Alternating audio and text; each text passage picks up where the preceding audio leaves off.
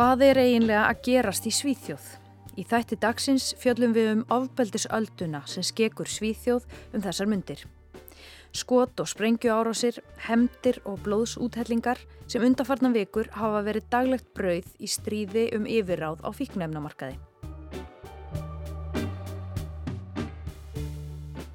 Frettinnar í Svíþjóð undarfarnar vikur hafa meðal annars fjallað um morð á unglingsstrákum og saklausum gamalmennum. Hemdaraðgerðir gengjana sem keppast um yfirráðin hafa náð slíkum hæðum að hartsvíruðustu glæbamönnum þykir nógum. Sverige har aldrei förr sett något liknande. Úlf Kristersson, forsettisráþara, hefur kallað herin til aðstóðar og segir innflytjandastefnu forvera sinna um að kenna. Nu drabbas allt fler barn och helt oskyldiga människor av det grova våldet. Jag kan inte nog understryka hur allvarligt läget är. Þrýr beðu bana í árásum í Svíþjóði gæri á aðeins 12 klukkutímum. Tveir karlar voru skotnir í Stokkólmi og kona fórst í sprengju árás í Uppsala. Police in Sweden are investigating whether two explosions that rocked residential areas are linked to a drug... Átjónara karlmaður lést í skotarás á bílastæði við Íþróttavöll í söður hluta Stokkólms síðdeisi gæra að staðartíma. Þessi árós, eins og hátt í 20 aðrar, tengjast uppgjöru innan glæpasamtakana Foxtrot sem eru kveikjan að glæpa öldinni sem hefur skekið svíja í september. Ástandið í landinu er orðið slikt að það á sér ekki hliðstæður nokkur staðar í Evrópu, sagði Ulf Kristersson, forsættisar á þeirra. För vi ska jaga gängen och vi ska besegra gängen.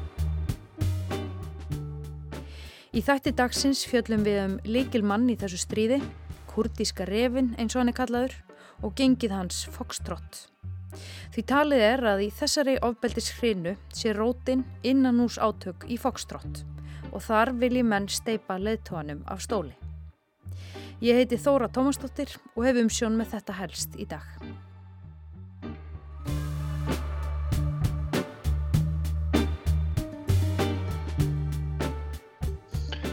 Já, svíðarnir eru búin að missa dálítið stjórn á, á því sem hefur verið að gera stíðundur heimunum þar núna undanferðið og má í rauninni segja að þessi septembermánuðu sé kannski ekki fordæmarlaus en það eru fjögur á liðin síðan jafn margir hafa látið lífið af völdum ofbeldis og, og, og undirheimaverka komnar sprengjáraðsir sem hafa bæst við þessar dæmigerðu skotáraðsir sífælt og þannig að þetta, þetta lítur ekki vel út eins og staðan er. Þetta er Alli Steit Guðmundsson, bladamæður sem fylst hefur með atbyrðunum í Svíþjóð og fjallaðum þau á MBL. Núna láta menn ekki lengur næja að limlesta og myrða sína eigin anstæðinga í eigin personu, heldur er, er þetta komið út í það að það er farið að myrða ættingja og vini jafnvel. Ekki, ekki langt síðan, var 7. september, þá var, þá var hérna, móðir eins, manneski á sjötusaldri sem var, var myrt og, og og annar kallmaður á hérna, áttræðisaldri skotindi bana á bar í Sandvíkjan það er nú bara núna 21. september og þetta eru svona dæmin núna sko, það er farið að ráðast á í rauninni ættingjana, rík fullorna foreldra og afa og ömmur sem að veldur skiljana miklum óhug Um fátt annað er fjallað í skandinavísku fjölmiðlum þessa dagana en Rafa Majid og stöðu hans í sænskum undreheimu. Hann er talinn bera höfuð ábyrð á því ástandi sem staðið hefur vikum saman og kostað hefur á annan tug mannslífa bara í september. Rótin og það sem er mest ábyrjandi í þessu er klíka sem heitir Foxtrot og, og lítur stjórn írasks kurta sem heitir Rafa Mahit og er kallaði kurtíski refurinn og fjárstýrir sínum mönnum í Svíþjóð frá Tyrklandi þar sem hann í rauninni situr örugur með tyrkneskan ríkisborgararétt og, og verður ekki framseldur til sænskri yfirvalda þráttur að þau hafi falast eftir því. Og þeirra deilur snúast eins og alltaf um yfiráði yfir fíknefnamarkaði að stæstum hluta. Þannig er í rauninni bara já barist í síðasta blóðtrópa sem má segja. Helsta, helsti anstæðingu þeirra er klíka sem heitir Dalen en þær eru náttúrulega fleiri og enginn er tilbúin að láta eftir sitt svæði en það miklir peningar undir á á fíknefnumarkaði eins og allstaðar á Norðurlandum þar sem fíknefn eru geysilega dýr og það er í rauninni undir á þessu vanda sem að núna stæðir að sænskum lögjastliðu völdum. Þannig eru klíkur sem að í rauninni koma frá mismunandi löndum og hafa mismunandi menningarna bakgrunn og, og eru tilbúin að ganga yfir, yfir höfu miklu lengra en kannski innfættir Norðurlandabúar þekkja af sínum gamla klassíska afbrótamarkaði ef svo maður þú orðið komast. Jag ville bara hälsa att ingen rör Strängnäs. Strängnäs är mitt område och ingen ringer en gång till. Får jag höra ett enda hot, Örebro, Vivalla, jag vet inte, tralala, vem som än ringer, jag kommer från topp till tå. Jag kommer smälla varenda trapp, skjuta varenda huvud. Jag njuter av det här. Jag hoppas ni läser nyheterna. Þetta tilur lögregla vera rött kurdiska refsins. Hljóðupptakan hefur farið sem eldur í sinu um TikTok en á henni hljómar eins og hann sé að hóta andstæðingum sínum. En hvað er vitað um Rafa Mahid? Hann er 37 ára gamall, kom frá Íran til Svíþjóðar með fjölskyldu sinni þegar hann var bara smábarn og ólst upp í Uppsala. Á undaförnum þreymur árum hefur hann verið helsta umfjöllunarefni fjölmiðla og þrátt fyrir ungan aldur hefur þegar verið skrifuð bók um lífslaupans. Gängledaren som kallas den kurdiske räven. Rawa Majid växer upp i Uppsala, en av Sveriges värsta narkotikagrossister. Rafa þótti ekki sérlega góður í skóla, hann átti erfitt með að læra en síndi þó góða takta, til dæmis í heimilisfræði. Síðar reyndist hann líka nokkuð klókur í fögum sem snýru að viðskiptum, en það má segja hann hafi lagt þau fyrir sig síðar á lífsleðinni. Rafa hóf sinn atvinnu feril með því að opna ísbúð í Uppsala. Þar var nú ísbransinn kannski ekki sérlega blómlegur en ísbúð Rafa grætti þó tá á fingri. Lífstílans vakti víða aðtegli og ísbúðin gekk svo vel að fljótlega fór það að vekja grunnsendir lögreglu. Þegar lögreglan loks handsamaði Rafa og gerði húsleit bæði á honum og foreldrum hans fannst óhemju mikið magna af upprúluðum seðlum sem ómögulega gáttu stafað af ísölu á Uppsala svæðinu. Ísbúðin reyndist kvítþvottastöð og Rafa og nokkrir af hans nánustu hlutu dóma fyrir. Á meðan Rafa satt inni fann lögregla sífælt fleira á hann. Hann reyndist umsöga mikill fíknefnasali sem stýrði umferð efna á stórum svæðum. Hann átti einnig að hafa tekið þátt í og fyrirskipað alvarleg óbeldisbrot og hans fyrsti fangelsistómur bara lengtist og lengtist. Rafa satt inni í rúm 8 ár og var frjálsmaður árið 2018.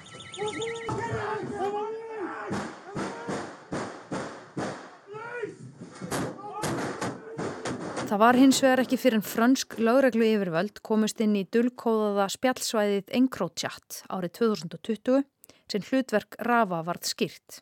Þá sáist augljósmerki um að Rafa var í gengjaleðtói. Á myndum sást hann með þykkar gullkeðjur, tvö stærðarinnar gull úr, íklættur stórum Versace peysum og með áberandi gullring með mynd af ref. Hann hlaut þá viðurnefnið kurdíski refurinn og gengið hans sem bar eins hringa var þekkt undir nafninu Foxtrot. Eftir einhverjó tjatt lögreglu aðgerðina var Rafa eftirlýstur um allan heim. Hann flúði í skjól til Írak þar sem hann held áfram að stýra genginu sínu og fíknefnarsölu í Svíþjóð. Fyrir um tveimur árum þóttist lögreglan í Svíþjóð vissum hvar í Írak kurdíski refurinn væri niður komin. Fjölmend lögreglulið fór því á staðinn til að hafa hendur í hári hans. Refurinn var þó skrifinu undan, virtist það að fengi veður af aðgerðanum en skildi eftir sig volga slóð. Och det här blir början på en lång kamp för det svenska rättsväsendet att försöka få honom utlämnad till Sverige. Frá Írak er talið að leið Rafa hafi leiðið til Tyrklands, þar sem hann er sagður halda sig í dag í góðu yfirlæti. Hann hefur auðlast tyrkneskan ríkisborgararétt og það sem reynist sænsku lauruglunni erfiðast er að Tyrkir framselja ekki tyrkneska ríkisborgara til Svíþjóðar. Auk þess er hann sagður vel tengdur valdamiklum stjórnmálamönnum í Tyrklandi og njóti einhvers konar verndar. En aftur til Svíþjóðar. Rafa situr ekki einnað fíknefnamarkanum þar. Eins og allir steinn myndist á þarf hann að berjast við hinn ímsu gengi. Hann mætti til dæmis fádæma harðri mótstöðu þegar hann reyndi að taka yfir sölu í litlum smábæ á austurströnd Svíþjóðar þar sem hinn 24 ára gamli Mikael Tenesos reyði ríkjum. Sá gengur undir nafninu Grikkin og fer fyrir genginu Dalnum. Grikkin og kurdíski refurinn hafa svo átt í hörðum átökum í áraraðir. Så vi vaknar upp vid 03.30 jag och min flickvän i natt och av en otrolig smäll. Vaknade, det exploderade väldigt högt, det var en smäll. Í upphafi árs rötuðu ítrekkaðar sprengjuárásir í Södermalm í sænsku frettinnar. Sprengingarnar voru raktar til delna þessara miskunalösu fíknefnabarona.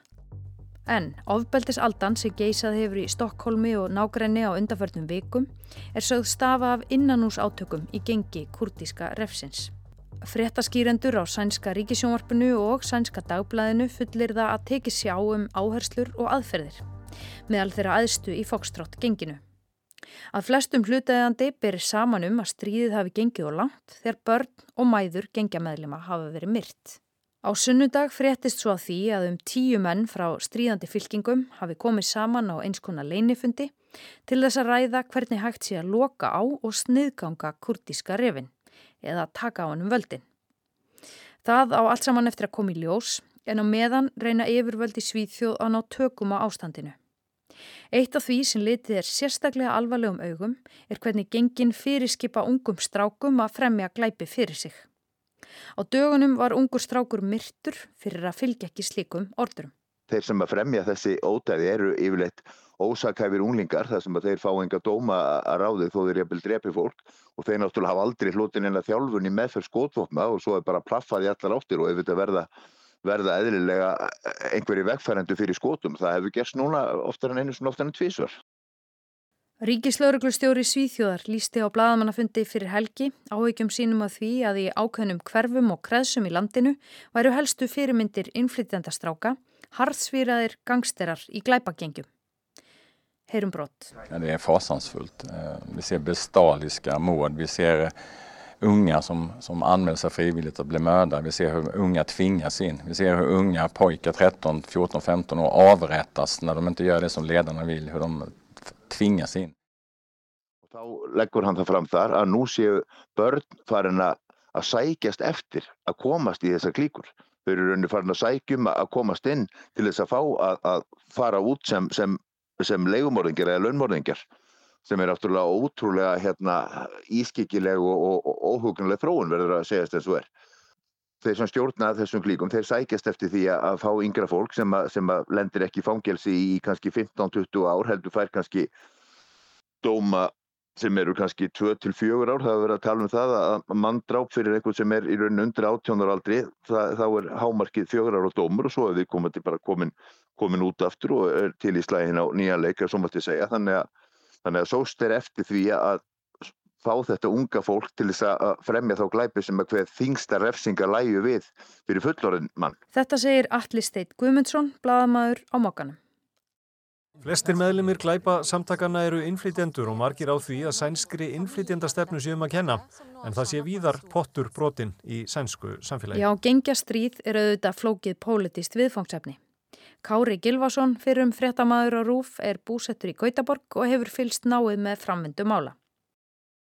Sko eftir þessa ömulegu daga í síðustu viku þegar það var, eh, voru morð nánast hverja nótt og, og sprengjutilræði þá hérna ávarpaði fósættisráð þeirra þjóðina á 15. kvöld uh, og hann hefur verið gaggrindu svolítið í fjölmjölum fyrir að þetta hafi ekki verið svona, hann hafi ekki talað til þess að samina þjóðina heldur, hann hafi verið að kenna fyrri ríkistjórn um hvernig staðan sé uh, og það hefði ekki verið te tekið nógu hartamálum uh, og Svíþjóðdemokraterni sem er uh, svona hægri flokkur sem er mjög andvígur út, hérna, útlendingum eða mjög andvígur innflytjendum þeir hafa talað fyrir því að hérna vísa fólki úr landi í stórum stíl, uh, kalla út herin til aðstofa laurugluna sem að verður núna gert að einhverju leiti uh, og hérna og jáfnvel setja á útgöngubann og þetta er náttúrulega reysa stórt mál fyrir þessa ríkistjórn vegna þess að það má segja að hún hefði unnið síðustu kostningar á því að það þyrti að koma á, á lögum og, og reglum og á því að það þyrti að taka einhvern veginn til harðari aðgerða en, en ári eftir að já það er nú eiginlega bara um það byrj akkurat ár síðan hún tók við þá e, já er ástandið eiginlega verra en okkur sinni. En hvaða úrræði hafa stjórnvöld til að bæta úr því ástandi sem skapast hefur? Það snýst einnig um pólitískar áherslur. Það, eru tvær leiðir sem að tala þeir um að fara. Það er hérna hertar efsingar, lífstíðafangilsi líka fyrir hérna, þá sem er ekki orðinir 18 ára, strángar efsingar, vísa fólki úr landi jafnvel eða að leggja meiri peninga og, og, hérna, og mannskap í skólakerfið, að byrja þar að hérna, styrkja félagstjónustuna og, hérna, og vinna svona að því sem er kallað rót, rótvandans og gefa fólki sko einhver að sína það að það séu hérna tækifæri í fátakum hverfum önnur heldur en að selja dóp. Þetta segir Kári Gilvason í Svíþjóð. Við höldum áfram að fylgjast með þessu ástandi þar í landi en það hafa fréttaskýrindur bent á að erfitt verði að læja öldurnar og koma á friði á fíknefnamarkaðin þar. En við þökkum ykkur kærlega fyrir að hlusta á þetta helst í dag. Við verðum hér aftur á morgun strax að loknum hátægisfréttum.